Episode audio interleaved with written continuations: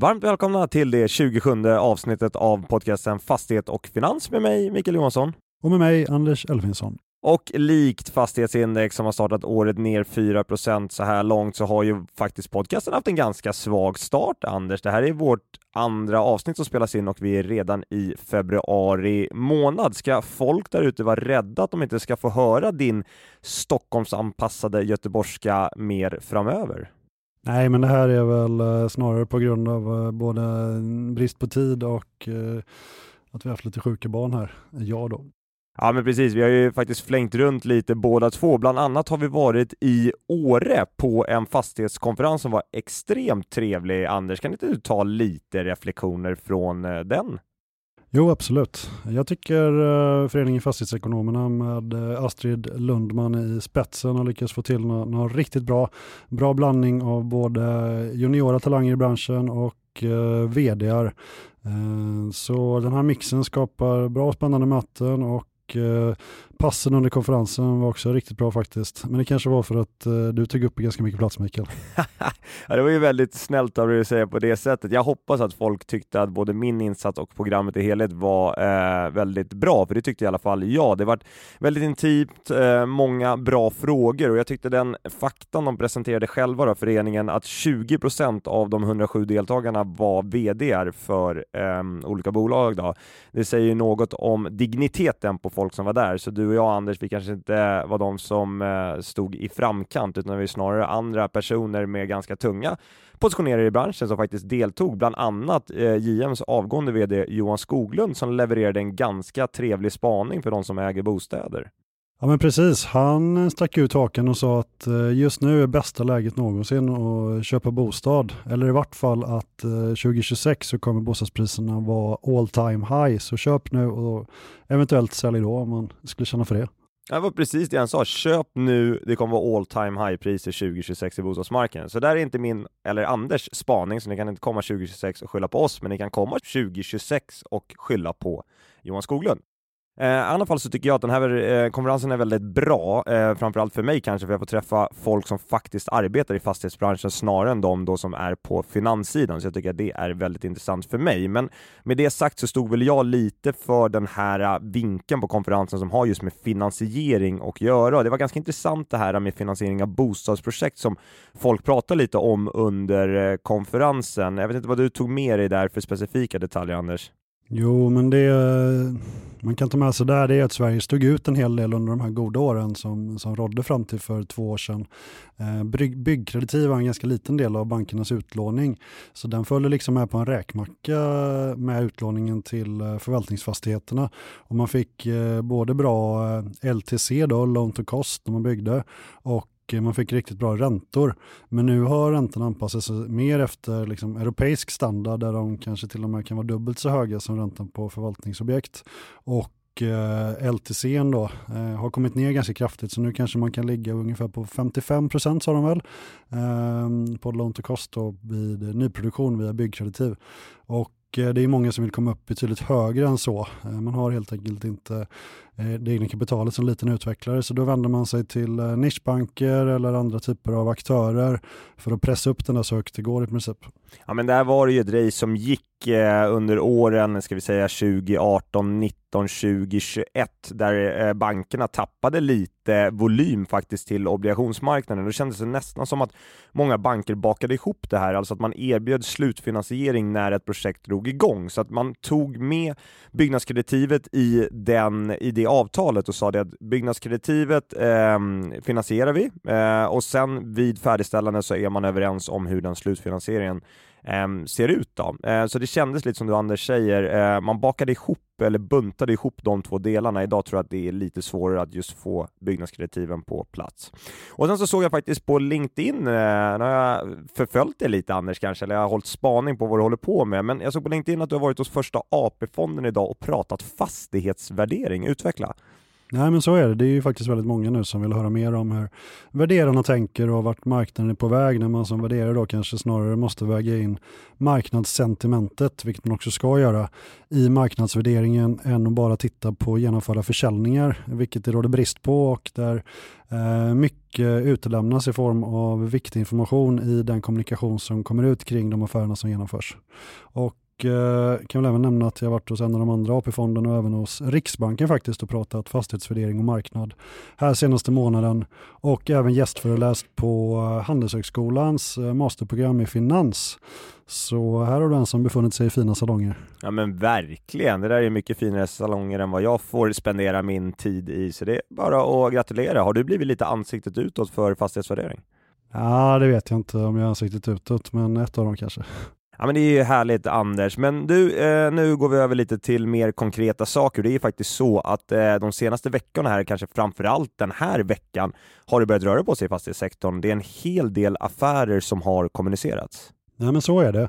Men eh, för mig som fastighetsvärderare då och kanske även för aktieanalytiker och andra som följer marknaden och vill förstå vad fastigheterna är värda så är det inte helt lätt Eh, och speciellt för en utomstående att bilda sig uppfattning om var avkastningskraven befinner sig i affärerna för eh, det är många köpeskillingar som är konfidentiella och det är inte mycket som eh, skrivs om avdrag för latent skatt och andra typer av incitament som, som köparna har mottagit från säljarna här under de senaste 18 månaderna för att affärerna ska gå igenom. Eh, så det kommer väl exemplifieras med ett par av de affärer jag nu ska tala om. Dock inte den första där jag tyckte transparensen var god från eh, de olika parterna. Eh, och det är ju då Beskabs avyttring av tre äldreboenden där även ingick en förskola och lite hyresrätter till Enrep. Och sen finns det ännu mer intressanta nyheter och det är sammanslagningen mellan Beskab och Aros. Men den kommer vi tillbaka till senare Mikael. Det Enrep köpte här var ju då eh, tre fastigheter för 770 miljoner eller knappt 51 000 per kvadratmeter. Och eh, avtalslängden här uppgår till 13 år och hyresvärdet uppges vara 42 miljoner.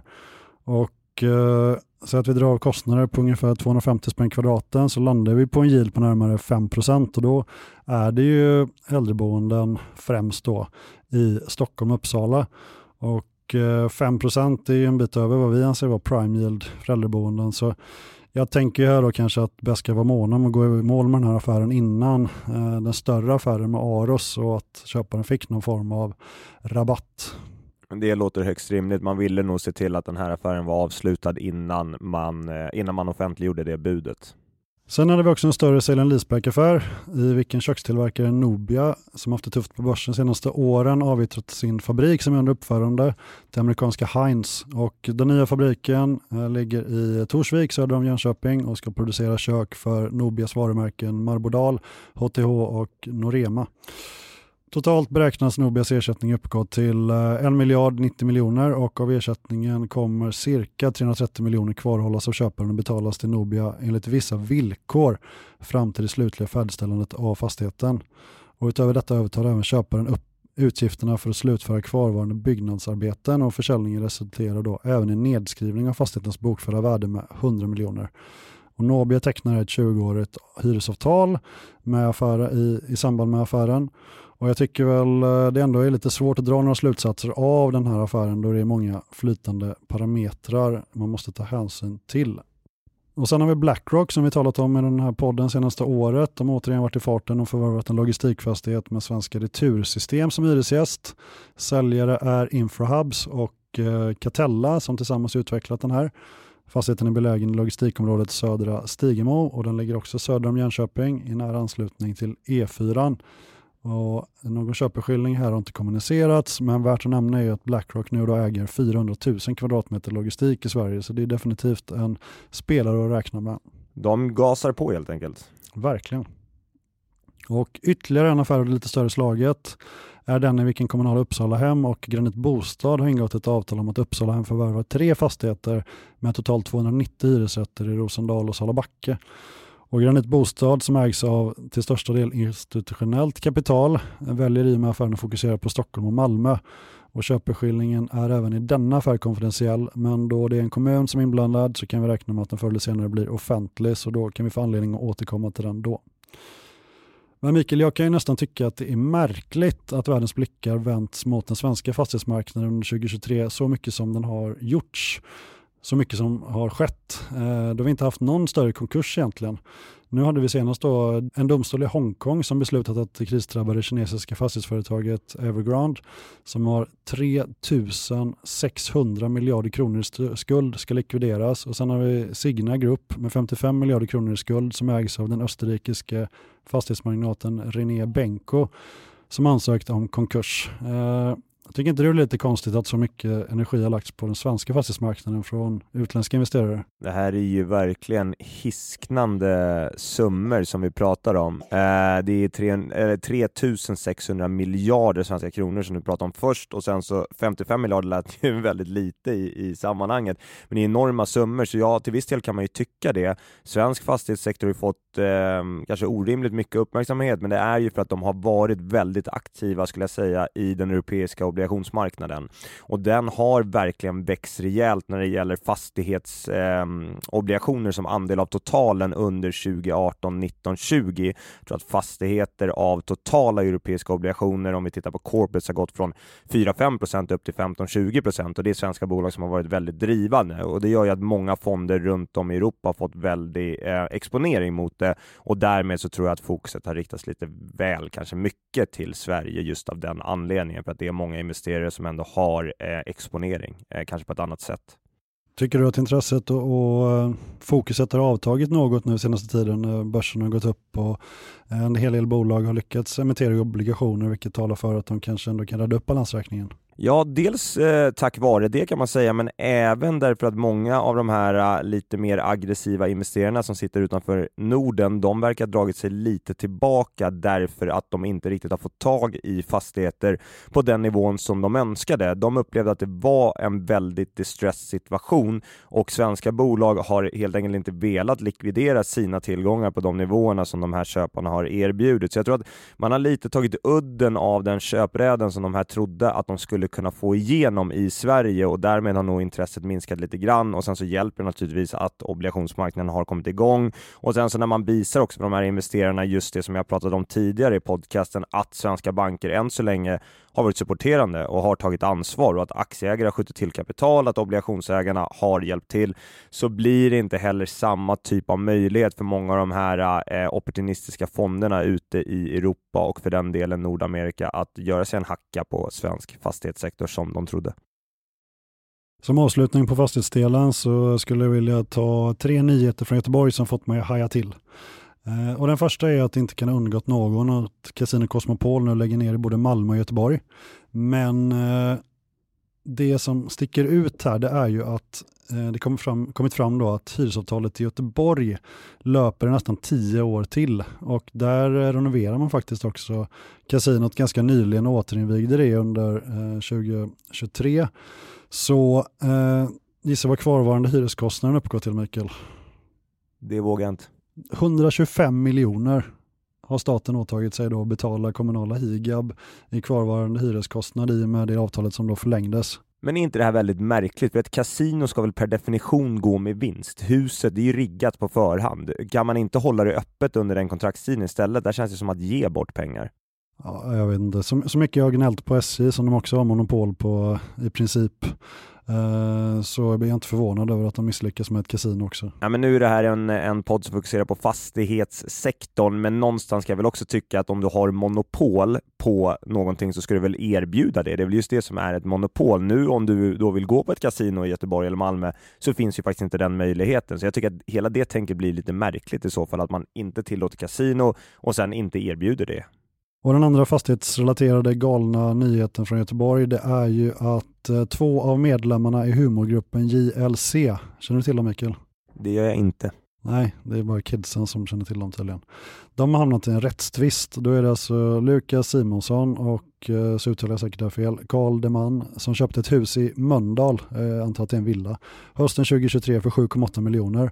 Och under renoveringen hittade hantverkare guldtackor och platina som enligt Göteborgs-Postens uppgifter är värt 11 miljoner. Alltså en bra bit mer än vad de köpte huset för. Och hantverkarna eh, var sådana trevliga människor så de lämnade över det här till polisen som efter utredning beslutade att beslaget skulle hävas. Och eh, nu är det så att både då de här Simonsson och Diman och säljaren av huset samt hantverkarna gör anspråk på eh, guldet och platinan och saken ska nu avgöras i domstol. Men du, med tanke på vad villor kostar och eh, även vad villor kostar som jag nämnt eh, i den här podcasten så kanske det är det som krävs, att man hittar lite guld och platina på vinden för att få eh, pengar till räntebetalningarna tänker jag. Ja, jag tror att det finns lite i din villa ute i Enskede att, eh, att hämta lite guld och, och hitta? Ja, det är nog gammalt tidningspapper som funkar som isolering i så fall.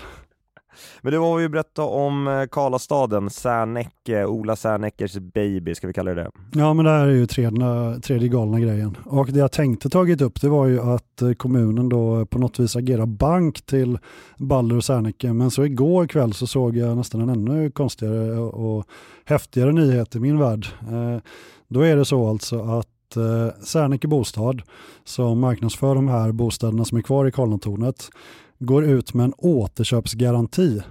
Så om du köper en lägenhet mellan 1 februari och 31 mars då garanterar Serneke Bostad att eh, om inte du lyckas sälja den för samma pris som du köpte för om två till fyra år eh, så får du tillbaka samma peng. Så du, på köpet får du alltså en option om att kunna sälja din bostad för samma peng som du köpte den för. Det låter ju orimligt bra. Ja, sen får man väl diskutera hur, hur liksom stark den garantin är. Eh, de har ju knappast satt av pengar på banken.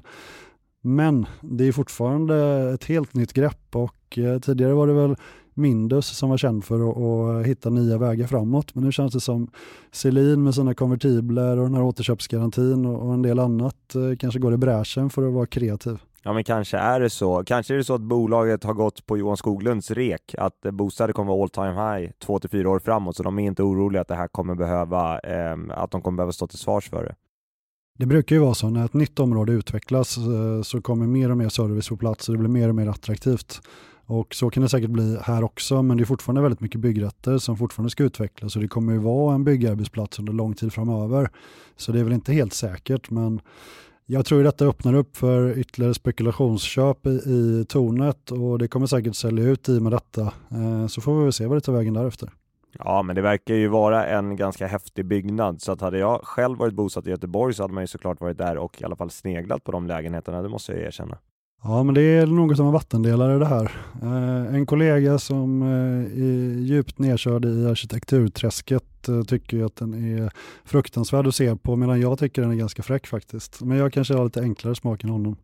Fastighet och Finans spelas in i samarbete med Fastighetsvärlden. I snart 40 år har Fastighetsvärlden genom konferenser, magasin, nyhetsbrev och hemsida levererat marknadsledande nyhetsbevakning av Sveriges bygg och fastighetsbransch. Och jag vill i detta avsnitt slå ett slag för all den research som Fastighetsvärlden tar fram. På hemsidan under analys så hittar man topplistor på de största affärerna, uthyrningarna och fastighetsägarna. Och där finns också analyser av enskilda affärer, vilka alltid först publiceras i Fastighetsvärldens magasin. Och för er som är verksamma i Stockholm så är faktiskt verktyget Affärskartan riktigt smidigt att använda. Här kan man filtrera på uthyrningar, transaktioner och projekt och få detta snyggt visualiserat på en karta. Ja, det verktyget har jag faktiskt själv använt flera gånger, så det kan jag verkligen rekommendera. Eh, fastighetsbeteckningar är inte alltid helt lätta att komma ihåg, men lokalsinnet sitter där det ska, så med kartans hjälp så kan man alltid hitta den fastighet och nyhet som man gick och tänkte på. Och för dig som följer flera av de börsnoterade bolagen som äger fastigheter ute i regionstäderna så är ortsanalyserna som redaktionen skriver i varje nummer något mycket användbart. Och Eh, de hinner i princip riva av alla större regionstäder över ett år, så som prenumerant går det jättebra att gå in i arkivet och ta fram senaste analysen. Ja, även dessa analyser har jag upptäckt och det är inte alls dumma att använda sig av då speciellt regionstäderna inte följs lika noga av eh, er fastighetsrådgivare faktiskt. Eh, och med det sagt så, så kan vi varmt rekommendera er alla att ta del av de senaste nyheterna från fastighetsbranschen genom fastighetsvärldens olika kanaler.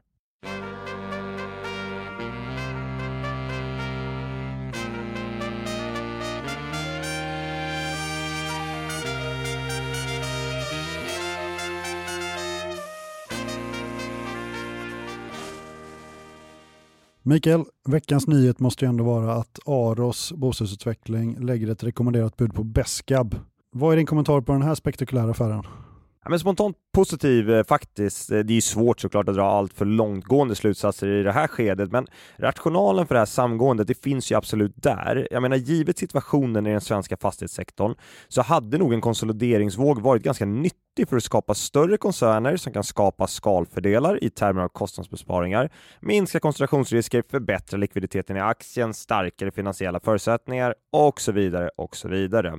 Och många av de här sakerna eh, som jag precis nämnde det är ju faktiskt fallet som jag tror det kan bli när det gäller Aros och Beskab, så när de nu ska kroka arm så tror jag att vi kan få se många av de här sakerna faktiskt ske, eh, om vi tittar lite mer långsiktigt.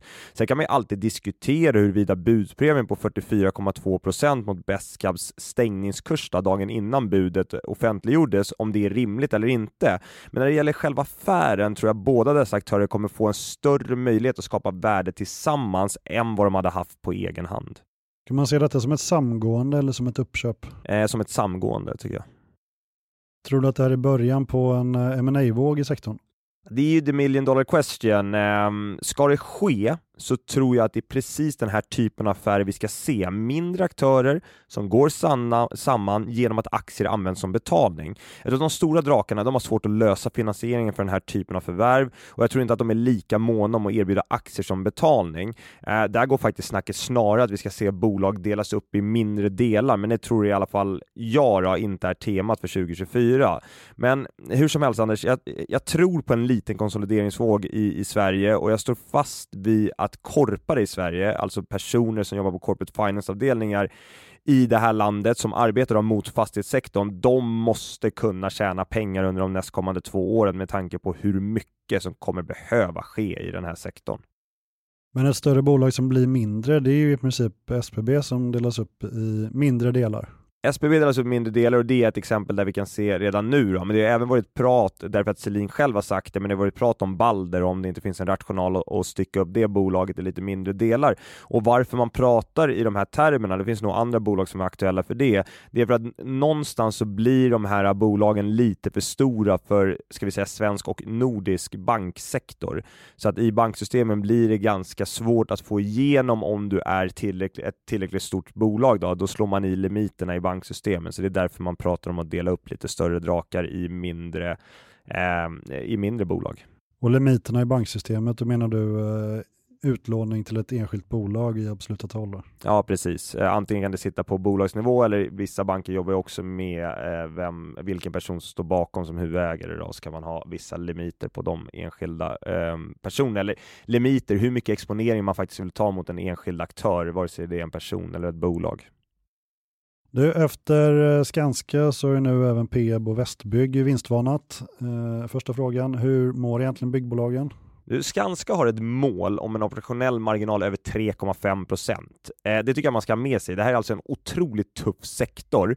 Eh, byggsektorn är ju uppbyggd på ett sådant sätt att man arbetar med många underleverantörer där byggbolagen, alltså på sätt och vis så blir de faktiskt projektledare snarare än entreprenadbolag. Och med detta sagt, Skanska och Peab, om vi ska börja där, deras vinstvarningar, de drevs av väldigt olika saker. Skanska, de skrev ner sina fastighetsvärden, främst bort borta i Nordamerika, vilket känns ganska logiskt med tanke på hur fastighetssektorn har utvecklats det senaste året.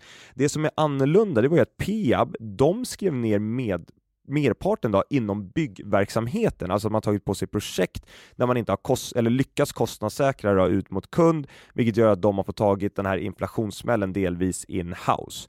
När det gäller Västbygg, då skriver man ner värdena på grund av dels nedskrivningar i egenutvecklade bostadsprojekt samt då konkurser i leverantörsledet. Och jag skulle säga så här, byggbolag eh, med stor exponering mot just bostadssegmentet, de har det såklart tufft när det byggstartas någonstans runt 20-25 000 lägenheter i Sverige per år jämfört med målbilden om 67 000 lägenheter per år. Men du, sen har vi en sektorkollega till de andra två bolagen vi nämnde här, Sengun, som lyckades cementera en ny obligation. Ja, de gjorde ju det. Eh, väldigt gott betyg för bolaget och lyckas göra det i den här marknaden kan jag tycka. Nu har inte jag tittat jättemycket på Sängen historiskt, men jag hade förmånen att sitta nära VD Mick Salonen på middagen uppe i Åre, då han närvarade på konferensen faktiskt, som vi pratade om i början av det här avsnittet. Och jag måste säga att han gav eh, ett väldigt sympatiskt intryck och jag ska framöver faktiskt titta lite närmare på bolaget jag bestämt mig för. Men med det sagt, emissionen gjordes på Stibor plus 635 punkter och det får man vara väldigt nöjda med från bolagets håll. Då. Eh, Eh, samtidigt så löser man ju in cirka då, 222 miljoner i den utestående obligationen, så man tar ju ner refinansieringsrisken under 2024 genom den här nya obligationen. Så att eh, vi får väl gratulera bolaget till en lyckad emission och Sengum fokuserar ju mest här på centrala Stockholm, så det kanske särskiljer dem lite från många av deras konkurrenter. Och även på ganska komplexa projekt förstod jag det som. Ja, precis. Eh, det stämmer bra. De har ju många av de här eh, högprofilprojekten mitt i stan, ganska nära där vi spelar in idag Anders, så håller de ju på att bygga nytt eh, precis bredvid NK-byggnaden. Sen har vi haft eh, två rapporter från rena fastighetsbolag och ett från ett byggbolag som jag gärna vill att du kommenterar. Och det första är platser. Intäkter plus 1,9 procent vs konsensus. Eh, tillväxt i jämförbart bestånd fortsatt starkt, 11 procent och vakansen oförändrad på 8 eh, Nettouthyrningen positiv, i kvartalet, 6 miljoner. Och det jag tycker är intressant i platser här, det är att bolagets nettouthyrning på helåret, det dras upp av kontorsbenet och faktiskt ned av industrilogistik där nettouthyrningen var negativ. Så det kanske kan vara en liten intressant spaning, för många pratar om vakansrisken i Göteborgsmarknaden, men här är det faktiskt så att kontorsmässigt då, så har platser gjort det väldigt bra medan andra benet har, har gått lite sämre. Man hade väldigt små negativa värdeförändringar på 0,5 procent jämfört med föregående kvartal, samtidigt som man räntesäkrat ungefär 1,7 miljarder via swappar som då sänker deras genomsnittliga ränta dag 1. Så um, aktien gick 6,5 procent på rapportdagen, så marknaden uppenbarligen nöjd med rapporten. Och Eh, hur står det till med Atrium då? Ja, men det är ett av bolagen vars resultat kan avvika lite från konsensus givet att intäkter från projekt och entreprenaddelen där, det är ju ganska timingberoende så där kan man ju missa lite grann. Men om vi tittar på hyresintäkter, alltså underliggande hyresintäkter, så var det 1,4% under våra estimat. Eh, man hade lite svagare tillväxt faktiskt i jämförbart bestånd på 9,9% och en svag nettouthyrning på eh, minus då 17 miljoner i kvartalet eh, där VD Annika Ånäs kommenterade att man tagit emot många uppsägningar i slutet av kvartalet. Eh, värdeförändringarna var små, på minus 0,4 procent mot föregående kvartal, medan det finansiella i Atrium det fortsätter vara väldigt stabilt drivet av den här långa räntebindningen. Sen så kan jag passa på att påpeka här också att Moody's har ju faktiskt sänkt nedgraderingstriggen för bolaget gällande just räntetäckningsgrad, så nu har Atrium en ganska mycket större chans att behålla sin, eh, sin kreditrating oförändrad jämfört med tidigare. Kan du inte berätta lite mer om det där med att de har sänkt nedgraderingstriggen? Ja, men det kom lite i skymundan, men när Moody's först eh, tog eh, Atrium Ljungbergs BAA2-rating motsvarande trippel B flat om vi ska prata S&P språk när de satte en negativ outlook på det under våren, då hade man att den negativa outlooken kunde då eh, översättas till en nedgradering till eh, ett lägre kreditbetyg om Atrium Ljungberg hade en räntetäckningsgrad som låg under 3,5 1,5 gånger.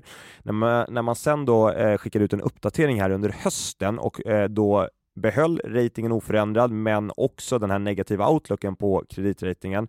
Då hade man helt plötsligt sänkt den eh, nedgraderingsnivån från 3,5 gånger till 3 gånger utan att egentligen motivera varför. Så man har helt enkelt valt att fokusera på lite andra saker nu då än bara eh, enskilda nyckeltal verkar det som. Och sist men inte minst, JMs rapport. Vi har inte täckning på JM, men bolaget är alltid intressant att följa. Eh, man sålde faktiskt 773 bostäder under det fjärde kvartalet, ganska stark siffra, eh, rejäl ökning från eh, Q 422. Men man ska vara medveten att den drevs av att bolaget sålt projekt i Norge och Finland till investerare medan man i Sverige sänkt priser på sina lägenheter för att locka köpare. Bolaget produktionsstartade 600 lägenheter under 2023 och det jag kan tycka är intressant här, det är att avgående VD Skoglund då, han räknar med att den siffran ökar under 2024, så att det är ändå en positiv signal för bostadssektorn tycker jag. Hyresförhandlingarna för bostäder kommer nu ofta in över 5% för 2024, alltså uppräkningen från 2023 års hyresnivå. Hur påverkar den här starka hyresutvecklingen för bostäder din syn på sektorn och utsikterna framåt? Nej, men det bekräftar lite vår positiva vy på potentialen i bolag med exponering mot bostäder faktiskt. Jag tror många värderare, om jag får sticka ut hakan nu när jag sitter här med dig i, i rummet Anders, jag tror att många värderare legat lite lågt i modellerna när det gäller just hyresuppräkningen och jag tror också att det finns goda förutsättningar för att hyreshöjningarna kommer vara lite över inflation situationen om vi tittar framgent. Då. Så de här nyheterna egentligen bekräftar mer vår vy än ändrar den. Det låter bra det. Sen har vi Oscar Properties. De tar in eh, konkursförvaltaren och rekonstruktören Lars Söderqvist som tydligen ska vara erkänt duktig. Eh, och han ska då hjälpa till att ta fram en betalningsplan för bolagets skulder. Vi har ju bostadsrättsföreningen Innovationen som drog tillbaka sin ansökan om att bolaget skulle sätta sig i konkurs men istället har det framkommit att Mileway har krav på Oscar Properties efter en större fastighetsaffär som gick i stöpet. Peter Norman, styrelseordförande i Oscar Properties, kommenterar Lars Söderqvist har tillsammans med sina kollegor både den erfarenhet och kunskap som krävs för att hålla ihop den här processen över tid. Och nu väntar ett omfattande arbete samt dialog med borgenärer och andra. De kommande veckorna kommer att vara intensiva. Och det lär de väl minst sagt vara, Mikael? Ja, det är jag ganska säker på att de kommer vara. Och jag läste en artikel Mikael med rubriken DI erfar, alltså på Dagens Industris hemsida, dubbelt missnöje PYR efter DNBs tvångsförsäljning. Missnöjet PYR då efter DNBs hantering av två obligationer på totalt 800 miljoner som storbanken gett ut till Oscar Properties. Och irritationen finns både internt i banken och bland obligationsägarna. För nu har obligationsägarna hamnat i en besvärlig sits efter att en stor del av fastigheten har tvångssålts 800 miljoner under bokfört värde. Oscar Properties eget kapital kan därför vara negativt och det är risk för rekonstruktion. Och sedan tidigare är kassaflödet dåligt och Oscar Properties klarar enligt bedömare på marknaden inte av att återbetala obligationerna. Kommentar på det här? Jag får väl sålla mig till bedömare i marknaden-gruppen då. Jag tror inte att de icke säkerställda eh, obligationsägarna, jag tror tyvärr inte att de kommer kunna få tillbaka några pengar i relation till det man har lånat ut. Då. Vi får ju se hur det här spelar ut sig, men jag tror tyvärr att det är lite dead man walking och att den här försäljningen, 800 miljoner under bokföringsvärde, det var väl egentligen spiken i kistan som gjorde det ganska tydligt för mig, där jag sitter med den vetskapen jag har idag i alla fall, att obligationsägarna tyvärr nog kommer gå tomhänta från eh, bordet. Och eh, också på Oscar Properties eh, topicen. Erik Selin köpte ju den här portföljen då till ganska precis den summan som eh, räddar hans eget Norion Bank och DNB från kreditförlust. Kommentar på det? Ja du, vad ska man säga? Eh, någonstans är det här väldigt smart av Erik Selin, för han räddade ju sin egen bank, där han äger 18% privat och 44% via Balder, från en svidande kreditförlust på 600 miljoner kronor som hade fått den aktien att dyka. Eh, han behöver mest sannolikt, skulle jag tippa, inte stoppa in speciellt mycket pengar alls när detta köp görs, då DNB som långivare nog var ganska glada över att byta motpart från Oscar Properties till just Erik Selin. Men när vi sen hör att bud 2 var ganska långt under det som Selin då till slut vann den här budgivningen på så är det klart att de icke-nordiska investerarnas rädsla för ägarsituationen i Sverige, de till viss del besannas ju här. Att Erik privat äger Norion Bank, det är en sak, men jag har faktiskt aldrig förstått varför Balder ska äga banken. Ja, det är väl lite märkligt. Och de här 2,2 miljarderna som han eh, pytsar upp för eh, portföljen, eh, det ska ju då enligt rykten på stan ge en eh, initial avkastning eh, på någonstans mellan 6 och eh, 7 procent. Och med tanke på kvaliteten på portföljen och att det är rätt mycket vakanser så tycker väl inte jag att det känns som någon kanonaffär om man bara ser till det som en ren fastighetsaffär utan uppsidan i att han räddar sig undan en kreditförlust gör nog att han ändå tar detta och att han säkert trycker in väldigt lite eget kapital i den här affären. Ja, jag tror att du har helt rätt i det. Sen har vi Fastator. Svante Bengtsson slutar som vice vd. Eh, vad är senaste nytt? Äh, Svante blir ytterligare en nyckelperson som lämnar. Vi ska inte glömma bort Kristoffer Strömbäck som eh, kliver vidare till Castellum här under våren. Eh, Svante har slitit väldigt hårt på Fastator under många år, är, i min uppfattning. Och jag har själv faktiskt haft ganska mycket med bolaget att göra under de senaste åren och, och jag måste säga att Svante har alltid varit behjälplig. Eh, så jag tror faktiskt att det här tappet är ganska tungt för Fastator, givet situationen de befinner sig i. Så Eh, det, det, är en negativ nyhet, helt klart, men jag tror inte att man vet vart han ska ta vägen med Anders. Nej, jag känner inte till något. Nej, jag har inte sett någonting, men hur som helst, tungt tapp för Fastator. SBB har sålt ytterligare tre fastigheter till en kommun, den här gången till Sundsvalls eh, kommun och det kommunala bolaget för 270 miljoner eller knappt 17 000 per kvadratmeter. Kommunen och SBB fortsätter göra före Mikael många bäckar små som det heter. De har väl gjort en sådär tiotal kommunaffärer nu SBB för totalt 1,7 miljarder och all likviditet bolaget frigör är ju av enorm vikt. Utan att veta hur försäljningarna står sig mot bokfört värde är såklart det är svårt att dra långtgående slutsatser, men att sälja tillgångar för att ta ner skulden just nu, det är det bästa SBB kan göra och då pratar jag även ur ett aktieägarperspektiv. Och sen började jag fundera på om obligationsmarknaden även för high öppnat upp sig. Eh, vi hade ju Cibus nyligen som reste ny, nytt kapital och eh, Corem stängde en stor obligation igår och eh, sen hade vi även Arvidsro som eh, gick ut med att de avser att emittera en obligation. Din kommentar på high yield-marknaden? Ja, man går ju runt och blir lite sådär smått nyfiken på om det är fallet, alltså att obligationsmarknaden nu för high yield-bolagen har börjat öppna upp sig. Cibus gjorde ju sin på en så kallad reversed inquiry om jag fattat det rätt, alltså att det inte var bolaget själva som planerade att emittera en obligation, utan investerare indikerade via banker att intresse fanns att investera i en ny Cibus-obligation. Så där tog man in 50 miljoner euro på 400 punkter i spread och det är en väldigt fin nivå för bolaget och det var en ny obligation till skillnad från de andra emissionerna i Arvidsro, Sengun och Corem som mer handlar om refinansieringar. Corem gjorde sin igår. Jag skulle nästan kalla den nyheten att de skulle printa för en kioskvältare. Man gjorde en miljard på Stibor plus 375 punkter, eh, 2,25 år, årig löptid. Otroligt tajt eh, kan jag tycka givet vart deras obligationer har handlat det senaste året och också givet hur förfallostrukturen ser ut framgent och hur refinansieringsrisken ser ut i det bolaget. Så jag måste faktiskt säga grattis kåren till den här uh, printen, för den är otroligt positiv från ett bolagsperspektiv. Ja, grattis kåren. Och eh, bara för att förtydliga det Mikael, när du säger att den handlas tight så menar du att eh, spreaden är låg, alltså marginalen är låg? Precis, alltså när man ger ut ett sånt här äh, lån då, så sätter man i kreditspreaden och då oftast emitterar man det här lånet på par som säger alltså 100% av nominellt värde. Det kan man dribbla lite mer, men normalt som i det här fallet så sätts den till Eh, 100% eh, av det nominella värdet plus då den här kreditspreaden. Men sen kan vi säga att om det skulle komma fram nyheter som gör att man bedömer att kreditkvaliteten ehm, i kåren eh, försämras eller alternativt att marknaden ändrar vy på fastighetssektorn generellt, då kan det vara så att det här lånet handlar ner då, eh, i termer av pris av det nominella, så de här 100% kanske på skärm istället är värda 95% och då översätts det i en högre spread. Så den 375 punkter som man satte det till kommer vara högre om man kan köpa lånet till en viss rabatt. Så när jag säger tight, då är det att det är en låg spread i förhållande till kanske vad jag hade trott att den här emissionen skulle göras på. Sen har vi faktiskt lite nyheter om studentbostäder också som har hunnit med att refinansiera lån för 770 miljoner och även förlorat i domstol. Du får gärna berätta lite mer Mikael. Med tanke på det, storleken på det bolaget har vi pratat ganska mycket om studentbostäder måste jag säga de här senaste 12 månaderna sedan vi drog igång. Det är väl snart ett års jubileum för podcasten för övrigt Anders, kommer jag att tänka på nu. Vi drog igång i februari 23.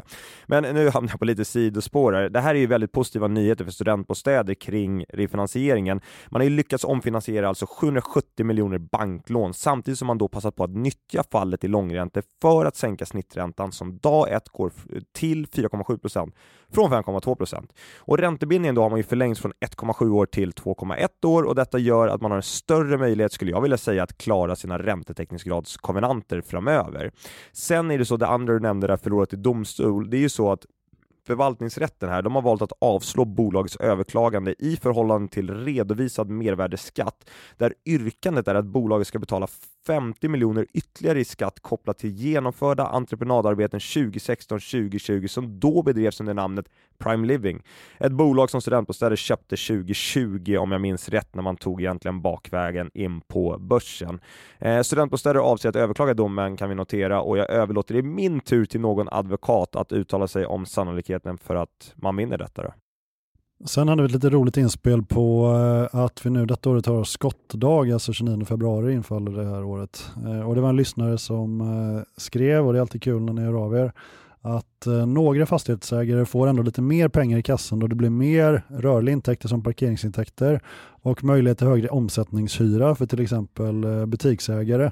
Så det kan man ju ha med sig att de fastighetsägarna som har den typen av fastigheter får högre intäkter. Och mejlen har trillat in i stridström från dig Mikael gällande nya aktie och kreditrekar. Eh, du får jättegärna gå igenom din syn på de olika bolagen du följer. Ja men absolut, jag gärna kan börja med aktiesidan. Det är ju så att rapporterna har ju börjat trilla in lite grann, men det är fortfarande ganska många bolag kvar att rapportera, så att vi har ju skickat ut våra previews på aktiesidan inför rapporterna. Så väldigt snabbt ska jag gå igenom fyra bolag då. Castellum, de har vi tagit ner till behåll. Eh, 150 kronor är en ny riktkurs jämfört med 145 kronor tidigare. Här tycker jag vi prickar det här caset väldigt tidigt och väldigt rätt om jag får säga det. Aktien är upp 31 procent sedan vi tog upp täckning våren 2023 och satte då en riktkurs på 138 kronor. Idag står aktien i 133 kronor. Så eh, Castellum ner till behåll. SBB har vi fortsatt köp, oförändrad riktkurs på 8 kronor. Här har vi uppdaterat vår räntekurva, vilket lyfte förvaltningsresultatet 2 till 8 procent av 2024-2025 och navet med 10 till 15 procent under samma period. Studentbostäder fortsatt behåll, en krona i riktkurs. De har väldigt många utmaningar framför sig. Emissionen under hösten visade risken för värdetapp för befintliga aktieägare och vi ser stor risk för att mer kapital behövs, vilket aktiekursen faktiskt reflekterar idag. Så att vi behåller en krona oförändrat och vi behåller också riktkursen oförändrad i Alm Equity där vi har köp. Vi har upprepat 363 kronor i target price. Det indikerar en uppsida idag på 35 procent faktiskt. Eh, Alm Equity är ett annat typ av case där vi egentligen legat still med riktkursen sedan no november 2023, alltså cirka två månader sedan, men där vår säljrekommendation som vi då hade förra sommaren nu ändras till köp därför att aktien har fallit väldigt mycket mer än vad vi tycker är befogat. Så där är det inte att vi har ändrat riktkurs eller någonting, det är marknaden helt enkelt som har verkligen handlat ner aktien. Och sen är du en av få analytiker som både följer aktiesidan och kreditsidan, så du har även lite kreditrekar utstående. Ja men precis, det är ju många eh, aktieanalytiker i branschen, de täcker, jag ju stora portföljer och täcker många eh, case på aktiesidan. Vi har väl försökt nischa in oss lite på Arctic då, genom att eh, ha ett fastighetsteam som kan prata både aktie och eh, kreditperspektivet och det har ju, tycker jag, har varit väldigt nyttigt under de här senaste ett och ett halvt åren när mycket av aktieanalys som jag har nämnt i den här podcasten har blivit lite av kreditanalys. Eh, finansiering är en väldigt stor del av eh, fastighetssektorn helt enkelt. Så kreditrekar här ska jag inte tråka ut er med allt för noga eller allt för många detaljer, men om vi börjar. Vi har skickat ut sju stycken updates, lite längre updates på eh, sju individuella bolag. Balder, de har vi tagit ner från outperform till market perform. Eh, på kreditsidan har vi då outperform, market perform och underperform som val egentligen i våra rekommendationer. Balder hade vi som en av våra toppicks i oktober. Det, det caset har spelat ut sig. Vi prickade det rätt. Nu är det dags att eh, ta ner eh, den rekommendationen positionen för att vi ser inte den uppsidepotentialen längre. Detsamma gäller kåren. Vi hade outperform, nu har vi tagit ner till market perform därför att det caset har i vår mening spelat ut sig. I Citycon tycker vi att man ska växla icke säkerställda obligationer till Heimstaden bostad som ger en pickup, alltså man får bättre avkastning som investerare genom att köpa Heimstaden bostad, icke säkerställt, än att äga Citycon. Däremot har vi en outperform på deras hybridobligation med första call i november 2024 därför vi tror att bolaget kommer göra en kreditvänlig lösning när det är dags för det beslutet. Och menar du då Citycon eller Heimstaden på sista? Förlåt, då menar jag Citycon, så vi har en outperform på den korta hybriden i Citycon trots att deras icke säkerställda som förfaller lite senare, de har vi en underperform på. Underperformar vi faktiskt också på Nyfosa. Där tycker vi helt enkelt att man ska växla till fast partner. Nyfosa har ganska hög belåning och kommer ha en räntetäckningsgrad som försvagas ner mot nivåer på 1,5-1,6 gånger. Givet att man får bättre avkastning i fast partner så hade vi gjort eh, den switchen och inte helt oväntat då så har vi outperform rekommendation på fast partner. Medan vi också skickade ut updates på Sagax och Entra. Kort kan man säga att vi har market perform på båda. Där i Entra-caset idag kom stora nyheter att de har sålt en portfölj för 6,45 miljarder norska kronor i Trondheim, eh, de har gjort det 3 under bokfört värde och kommer sänka sin belåningsgrad 4-5% Och här kan man säga vår take har jämfört med kanske vissa aktieanalytiker, vår första tanke när den nyheten kommer, det är ju att okej, okay, nu ser det ut som att det här bolaget faktiskt kan säkra sin investment grade rating och det tar ner sannolikheten eller risken i det här fallet för en nyemission ganska rejält. Och det är ganska viktigt för aktiecaset om man tror att det här ska bli en nyemission eller inte inte, Så det fick vi lite feedback från eh, aktiesidan då, aktieinvesterare att de uppskattade perspektivet att försäljningen hjälper Entra att undvika nyemission drivet av deras kreditrating. Så lite så kan man tänka hur aktie och kreditperspektivet faktiskt kan hänga ihop ganska mycket. Snyggt! Det låter ju som du har full täckning på hela Norden i princip. ja, det vågar jag inte utge mig från, men jag tycker att det är kul att följa med, eh, en, följa en del bolag även utanför Sverige för att försöka bilda sig en uppfattning om vad som sker i Sverige då, i relation till de övriga nordiska länderna och också många av de investerare man träffar här kan ju faktiskt investera i alla de nordiska länderna, så det ger väl miss, viss mening och jag misstänker att du i din roll Anders agerar lite likadant. Jo men lite så är det. Och jag ska faktiskt till London här i slutet av månaden. Ehm, det är ju egentligen dina jaktmarker. Eh, men det finns ett par olika uppdragsgivare i olika nischer som vi också ska passa på att besöka och prata svensk marknad och vad vi kan hjälpa dem med framåt. Jag kan rekommendera ett studiebesök då på Tottenham Hotspur Stadium, en av Europas finaste arenor, står klar 2020. Ska tydligen vara ett riktigt, eller tydligt, jag har varit där några gånger själv, då. det är ett riktigt skrytbygge, så du får gärna sätta en yield på den kåken. Men eh, vi ska väl eh, runda av lite för dagen va? Ja, och Eh, jag vill köra en liten shoutout på att eh, till min avdelning som jag leder, alltså värdering och strategisk rådgivning på Kursman Wakefield, så söker vi nu en part-time trainee alltså någon som fortfarande studerar på någon av högskolorna här i Stockholm och eh, då ska man gärna läsa det tredje året, alltså ha två år kvar. Ja men precis, och sen eh, kan vi väl säga det att ni får jättegärna följa oss på LinkedIn eh, om ni inte redan gör det. Ni får gärna höra av er till både mig och Anders, komma med tips eller förslag på vad ni vill att vi ska prata om. Eh, vi får ganska mycket eh, inspel faktiskt från olika personer, så det uppskattar vi väldigt mycket, så fortsätt med det. Och sen måste vi tyvärr säga det som vi alltid behöver säga i den här podcasten, nämligen att ingenting av det vi har sagt ska tolkas som varken en köp eller säljrekommendation i något finansiellt instrument. Ja, nu gick du ut och talade om dina rekar då och de är väl officiella så det är väl köp och säljrekommendationer som du faktiskt får tala om. Ja, det är sant. De får jag faktiskt tala om, för så länge vi har publicerat någonting så eh, kan jag förhålla mig till det och prata om det. Så de kan ni faktiskt tolka det rätt i som konkreta köp eller säljrekommendationer i de aktierna eller i de obligationerna. Men utöver det, Anders, så allt vi har sagt i övrigt ska inte tolkas som en köp eller säljrekommendation. Stämmer bra det. Ja, men jättebra. Då ska vi tacka våra arbetsgivare för samarbetet, Arctic Securities och Kursmannen Wakefield och sen ska vi önska er alla en riktigt trevlig fredag och en fantastisk helg. Ha det gott allihop!